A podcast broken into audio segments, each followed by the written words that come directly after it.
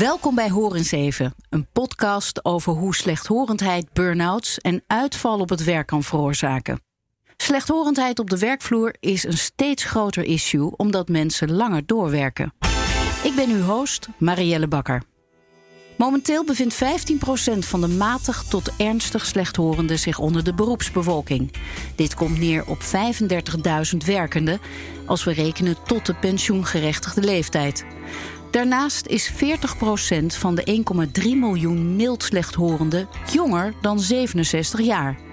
Dat blijkt uit een onderzoek van Specsavers, genaamd De maatschappelijke impact van leeftijdsgerelateerde slechthorendheid in Nederland. Ik ben Marielle Bakker en ik praat in deze podcast met Tom Verwij, specialist in slechthorendheid bij jobcoachbedrijf Werkpad, en Rosa Carmen Perfors, teamleider bij beveiligingsbedrijf ISEC op Schiphol. Welkom in de podcaststudio.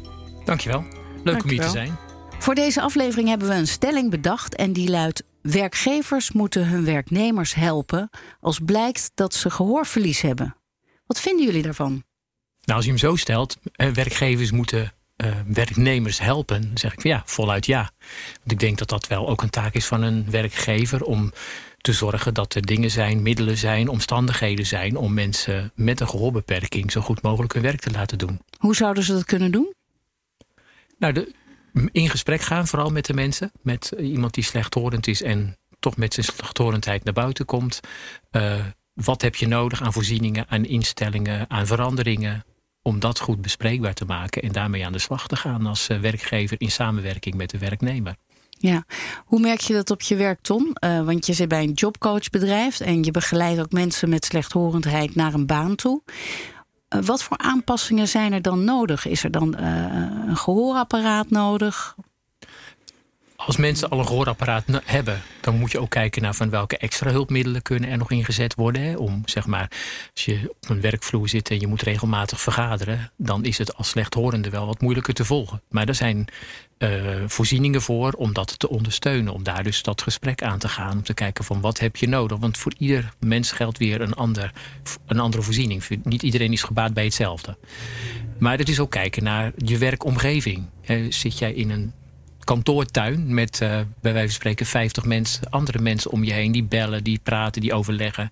Dat kan voor een slechthorende wel een hele vervelende omgeving zijn. En dus daar moet je dan wel voorzieningen voor treffen om dat, ja, die, die geluidsoverlast wel zoveel mogelijk te beperken. Ja, in een kantoor, kantoortuin is het dan mogelijk om uh, met een hoorapparaat te werken? Is, is dat, misschien moet ik dat aan jou vragen, Rosa Carmen. Want ja. uh, je bent behalve teamleider op Schiphol bij ISEC, beveiligingsbedrijf, ben je ook uh, zelf slechthorend en heb je twee hoorapparaten? Ik heb hiervoor ook op kantoor gewerkt, als telefoniste ook. Ehm, ik ben zorgbemiddelaar geweest en heb dus ook in een kantoortuin gewerkt.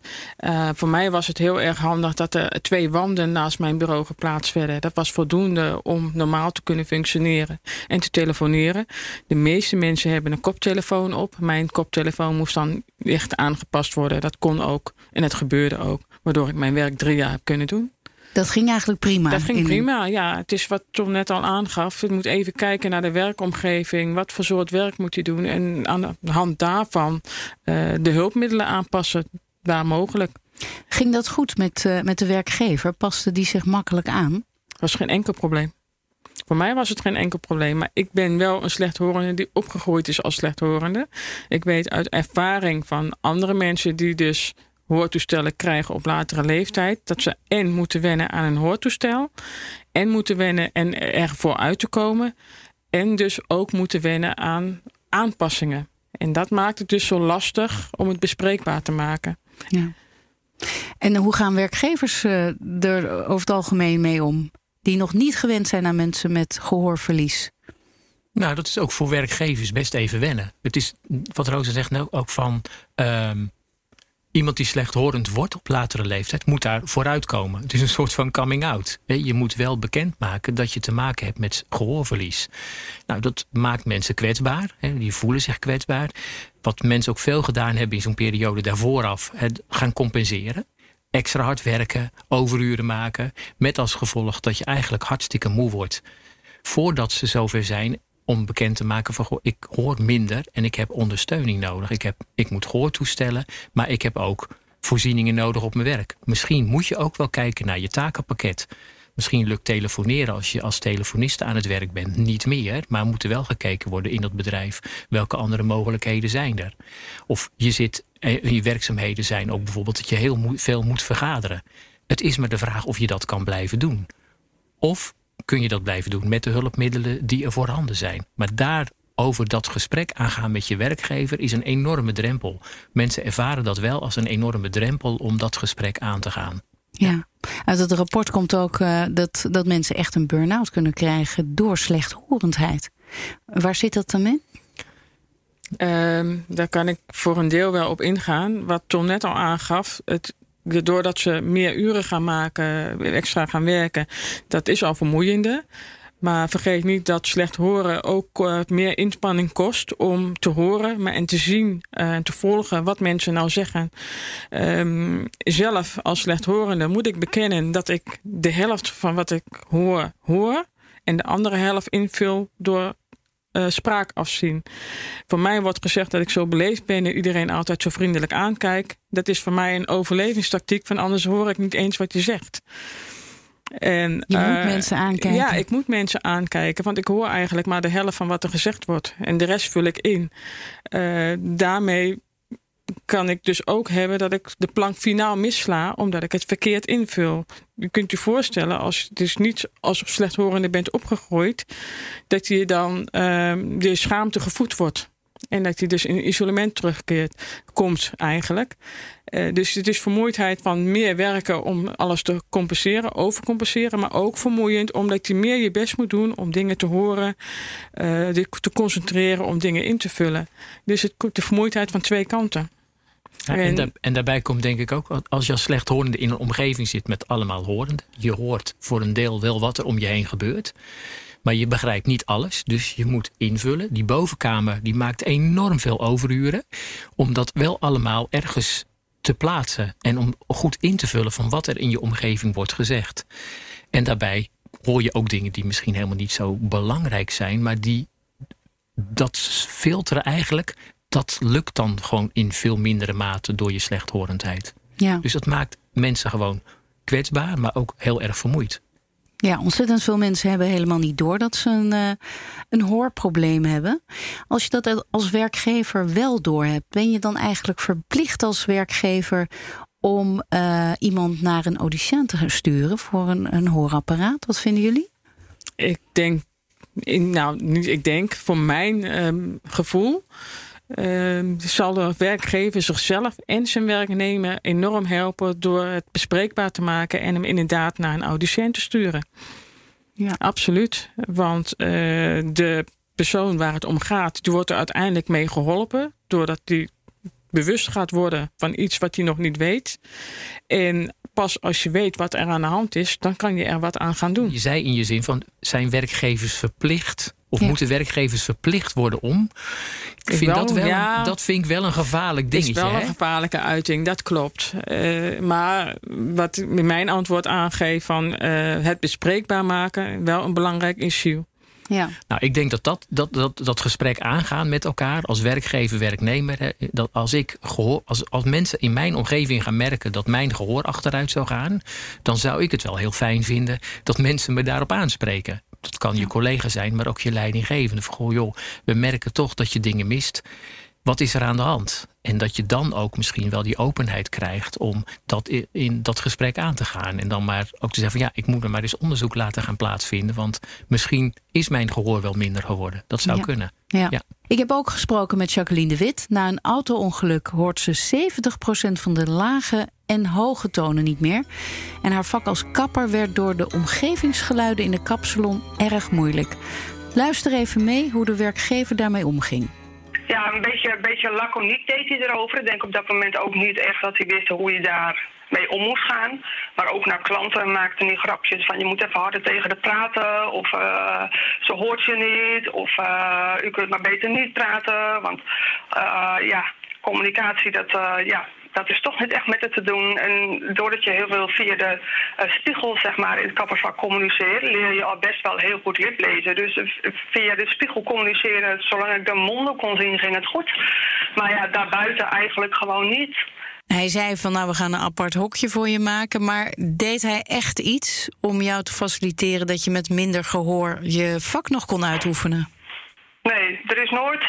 Hij heeft nooit met me besproken wat misschien het probleem echt was. Of dat hij er iets aan kon doen, um, zodat ik misschien beter zou kunnen functioneren. Of, of nee, daar is eigenlijk nooit naar gevraagd. Ja, uiteindelijk uh, moesten dat vak ook laten gaan is fotografe geworden. Maar waarop loopt het nou hier spaak? Zijn het dan de kosten of is het gewoon onbegrip? Kennistekort. Ja, ik denk het ook. Ik denk dat dat het is. Zo van, dat zo'n kapper, zo'n zo'n werkgever eigenlijk niet goed begrijpt wat dat gehoorverlies is. Want je hoort dan wel, hè, hoge en lage tonen hoor je niet meer. Maar wat betekent dat eigenlijk? Wat betekent dat in de praktijk? En ik denk dat je een werkgever daarin kan overtuigen en kan laten zien... door het hem ook een soort te laten ervaren. Er zijn middelen voor om dat aan een werkgever of aan mensen die daar geïnteresseerd in zijn... om te gaan ervaren van wat dat betekent dat je de hoge tonen niet meer hoort. Maar hoe kan iemand die nog goed hoort, hoe kan die dat ervaren? Hoe maak je dat duidelijk? Nou, dan zet je een bij wijze van spreken een koptelefoon op... en je stopt er oordoppen in en je gaat zeggen van ga maar eens communiceren. Dat is één manier. Uh, er zijn ook bandjes, um, uh, zoals, maar ik heb ook kinderen die slechthorend zijn. En dan zei de leraar altijd, wat, ze, wat ik vroeger ook te horen kreeg... als je het niet gehoord hebt, moet je het maar zeggen. Dan deed ik uh, twee dingen. Eerst liet ik hem een bandje horen van dit hoort u. En dit wordt mijn kind. Dat was al een heel uh, bewustwording. En daarna deed ik af en toe tussen de gesprekken door, fluisterde ik. Of als je met de rug naar me toe stond, sprak ik heel zachtjes. En dan zei ik na twee of drie keer: Waarom antwoord je nou niet? Ja, maar dat heb je helemaal niet gehoord. Dat bedoel ik nou. Hoe kan mijn kind zeggen dat ik het niet gehoord heeft als hij het niet gehoord heeft? Want hij heeft het niet gehoord, dus hij weet ook niet dat hij het gemist heeft. Ja. En dat geldt dus voor slechthorenden ook. Als je iets niet gehoord hebt, kun je niet aangeven dat je het niet gehoord hebt, want je hebt het niet gehoord. Ja. En dat is heel moeilijk duidelijk maken. En je kan het ze alleen maar laten ervaren door koptelefoon, door bandjes. Het verschil van wat, wat een slechthorende op, op, opvangt. Want dat verschilt natuurlijk wel per slechthorende. Ja. Het lijkt me wel moeilijk als je merkt dat je omgeving gaat klagen. Dat je iedere keer vraagt: wat zeg je? Wat zeg je? En dat je dan op je werk moet gaan aangeven van nou ja, ik. Uh, ja, ik, mijn gehoor is wat minder geworden. Er zit inderdaad ook een stuk schaamte bij. Absoluut. Schaamte en, en, en ook angst. He, zo van wat gebeurt er op het moment dat ik ga vertellen dat ik slechthorend ben? Ja. Kan ik dan mijn werk wel blijven doen? Zo'n Verlies ik mijn werk? Verlies ik mijn werk? Dan heb je gekozen voor het vak als kapper. En dan wordt er op een gegeven moment gezegd van ja, dat gaat eigenlijk niet meer. Dat is natuurlijk een enorme ja, dat is een angstbeeld wat de meeste mensen proberen voor zich uit te schuiven. door er dan maar niet over te praten. Ja. Is er veel op te lossen met hoorapparaten? Dan kijk ik eigenlijk jou aan, uh, Rosa ja. Carmen, want je hebt er twee. Ik heb er twee. En uh, er is heel veel veranderd in de techniek van hoortoestellen. Ik denk dat John ook best aardig veel van weet. Maar als ervaringsdeskundige, vroeger had je analoge toestellen. Uh, dat was het gewoon hard en zacht eigenlijk. En nu heb je meer digitale toestellen. Die kunnen echt op de persoon echt afgesteld worden.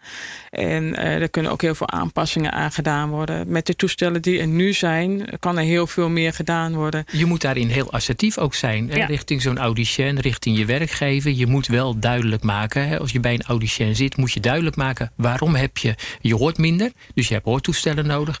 Maar dan moet je ook duidelijk maken van in welke omgeving zit ik? Wat voor soort werk doe ik? Dus loop ik op Schiphol als beveiliger? Of werk ik in een hotel? Of zit ik in een kantoortuin? Er zijn zoveel factoren die dan meespelen bij het juist afstemmen en de juiste keuze voor het juiste apparaat. Dus dat vraagt ook voor een audicien wel een hele goede inleving van wat er nodig is en begrijpen wat voor soort werk mensen doen.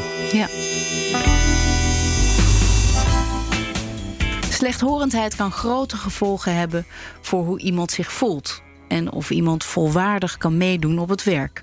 De economische kosten van onbehandelde slechthorendheid zijn, zijn fors, namelijk 1,2 miljard euro. Dit zijn kosten door verzuim, verminderde productiviteit en werkloosheid. Ik sprak eerder met Walter Helvoort. Hij heeft nu twee hoorapparaten, maar het duurde lang voordat hij de stap naar de audicien maakte. En dat had grote invloed op zijn leven. Vroeger kon ik dus een aantal gesprekken tegelijkertijd volgen. Maar dat lukt dus helemaal niet meer. Eh, en je, je raakt ook in een bepaalde vorm van isolement omdat je dus op een bepaald moment uh, minder contacten hebt, omdat mensen jou links laten liggen.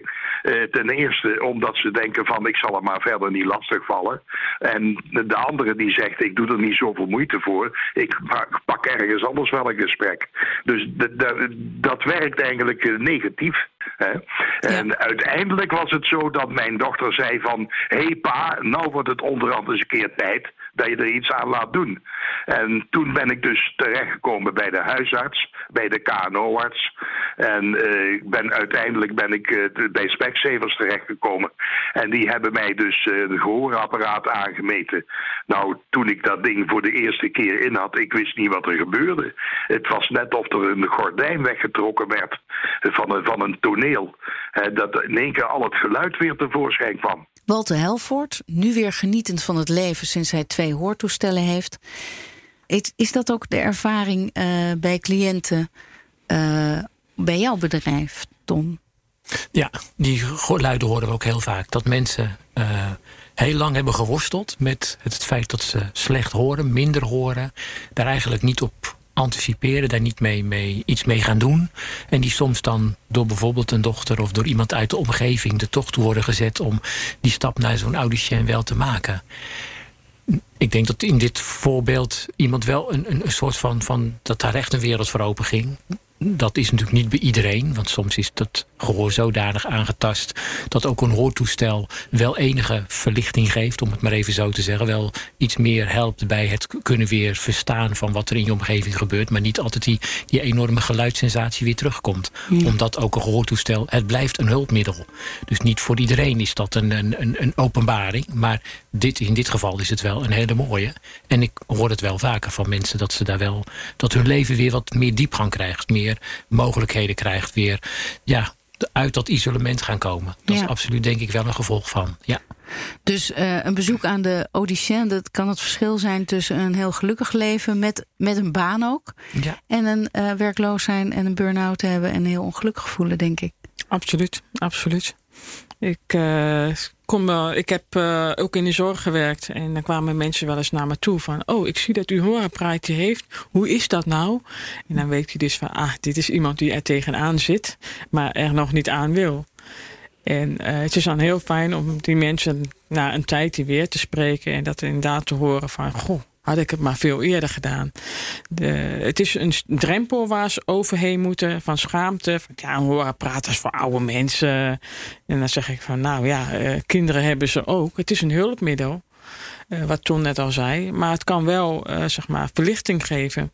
Want mensen die uh, slecht horen hebben het zelf niet door dat ze harder gaan praten.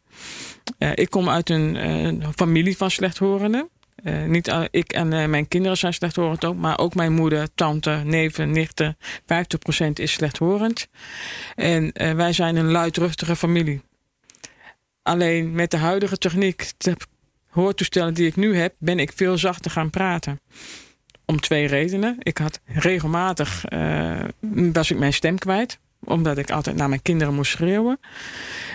Mede omdat een van mijn zoons een hekel heeft aan zijn hoorapparaat. Die vindt het wel lekker rustig zo. Zonde. Die zijn er ook. Ja. ja. Daar zal ik verder niet over uitweiden. Ja. Maar goed, je kunt je voorstellen, als je altijd maar aan het schreeuwen en het roepen bent, dat gaat ten koste van je stem. Ja. Um, en uh, een andere zoon, uh, die Tom dan toevallig ook kent, uh, die ook bij Tom in het werkpad heeft gezeten, die hoort heel slecht. En vanaf het moment dat hij de horenprater kreeg als jongetje van vijf jaar, ging een wereld voor hem open. En hij wilde ze ook niet meer uitdoen. Maar hij hoort dan ook zo slecht dat hij afhankelijk is van zijn hoortoestel. Dus er zitten heel veel verschillen in. Ja. En uh, ja, er kan dus echt een wereld voor mensen opengaan. Maar het is een drempel. Maar als ze één keer merken wat ze voor voordeel ze ervan hebben, ja, dan, dan dragen ze ze gewoon. Ja. De komende tien jaar groeit het aantal matig tot ernstig slechthorenden van 1,3 miljoen tot 1,7 miljoen mensen. Het aantal slechthorenden onder de beroepsbevolking groeit de komende vijf jaar met zo'n 10% door de opschuivende pensioenleeftijd. Hoe is het volgens, volgens jullie gesteld met de Nederlandse werkvloeren? Zijn ze slechthorend proof en hierop voorbereid? Als ik heel eerlijk ben, uh, we krijgen steeds meer werktuinen op uh, de werkvloer. En uh, dat is niet echt bevorderlijk voor slechthorenden, omdat je dan juist veel meer een hele andere akoestiek creëert. En dan creëer je ook een andere vermoeidheidsklacht uh, voor slechthorenden. Omdat ze veel meer geluid binnenkrijgen dan wat je in een kleinere kantooromgeving hebt. Dus er wordt, er wordt geen rekening mee gehouden met slechthorendheid? Men beseft dat niet. Men gaat kijken van het is veel goedkoper om in een grote ruimte met minder muren te hebben. Daar kun je meer, muren uh, meer uh, bureaus plaatsen. Dus er kunnen meer mensen werken. Dat is financieel gezien voor een kantoor goedkoper. Maar voor een werkgever die gehoorproblemen heeft, uh, is dat lastige werken. Nou heb ik net al in het begin aangegeven van met een wand is dat voor een deel op te lossen. Uh, maar uh, ja, dit is, dat is dus voor kantoor van mij een voorbeeld om aan te geven van nou, niet echt ideaal. Nee.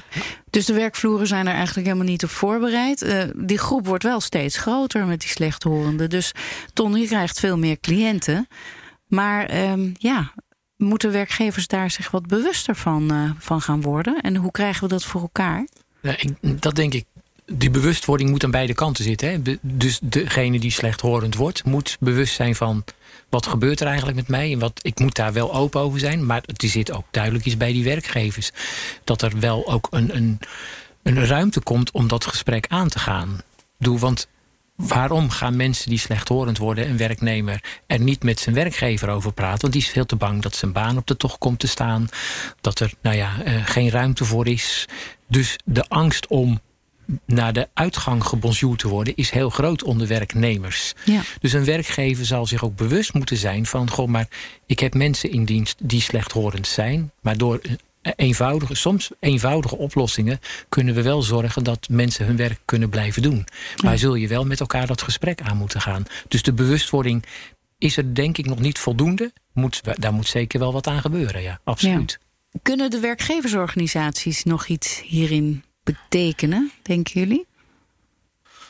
Ik denk dat dat voor mij, als ik dat zo vraag, denk ik van dat is een stukje bewustwording. En werkgeversorganisaties kunnen met die werkgevers kunnen dat faciliteren, mobiliseren, bewustwording tot stand brengen bij werkgevers van goh, waar zijn we nu eigenlijk mee bezig? In, ons, als er een, in de metaalsector zijn er heel veel mensen die in een omgeving werken met heel veel geluidsoverlast, gehoorschade kunnen oplopen. Wat ga je doen als werkgevers en als werkgeversorganisatie om dat gemis aan arbeidskrachten op te vangen? Ja. Maar ik denk ook op, gewoon op kantoren. Op als kantoor, mensen ja. tot hun 67ste uh, op kantoor zitten en in een kantoortuin zitten. Nou ja, en ook, maar ook zoiets, maar ook bijvoorbeeld voor de klas. Het is natuurlijk nu wel even actueel, maar gewoon het feit aan zich dat er ook binnen de scholen toch wel heel veel mensen zijn die daar jarenlang in een omgeving zitten met heel veel geluid, veel geluid, ook wel of uh, gehoorschade oplopen. Ja, hoe ga je als school ook zorgen dat dat wel beter blijft? Dat mensen dus niet uitvallen. En dat je niet op een gegeven moment na een aantal jaren tot ontdekking komt van ik hoor eigenlijk de kinderen onvoldoende en ik kan mijn werk minder goed doen. Wat ga je doen als organisatie? Wat ga je doen als school om dan mensen te voorzien van hulpmiddelen zodat ze hun werk wel kunnen blijven doen? Ja. Ja. Ligt hier ook een taak voor het ministerie om werknemers hierin tegemoet te komen? Oeh. Nu kijken we elkaar een beetje aan. nou, ik denk dat het bij alle partijen een taak ligt. Uh, net zoals alle handicaps uh, aangepakt moeten worden. Het vervelende van slechthorendheid uh, is dat het een vrij onzichtbaar handicap is. Hoe vaak ik als slechthorende wel niet hoor van... oh, ik wist helemaal niet dat je slechthorend was. Hoe vaak ik wel niet te horen krijg van... ben je, ben je doof of zo? nou, niet doof, maar ik hoor wel slecht. En dan laat ik me horen praat nog wat expliciever zien. En dan, uh, dan zie je mensen blozen en van, oh sorry. Nou ja, nee, dat, dat wist je niet. Ze hoor, bij de ene slechthorende hoor je dat aan de stem. Maar bij mij hoort, hoort niemand dat.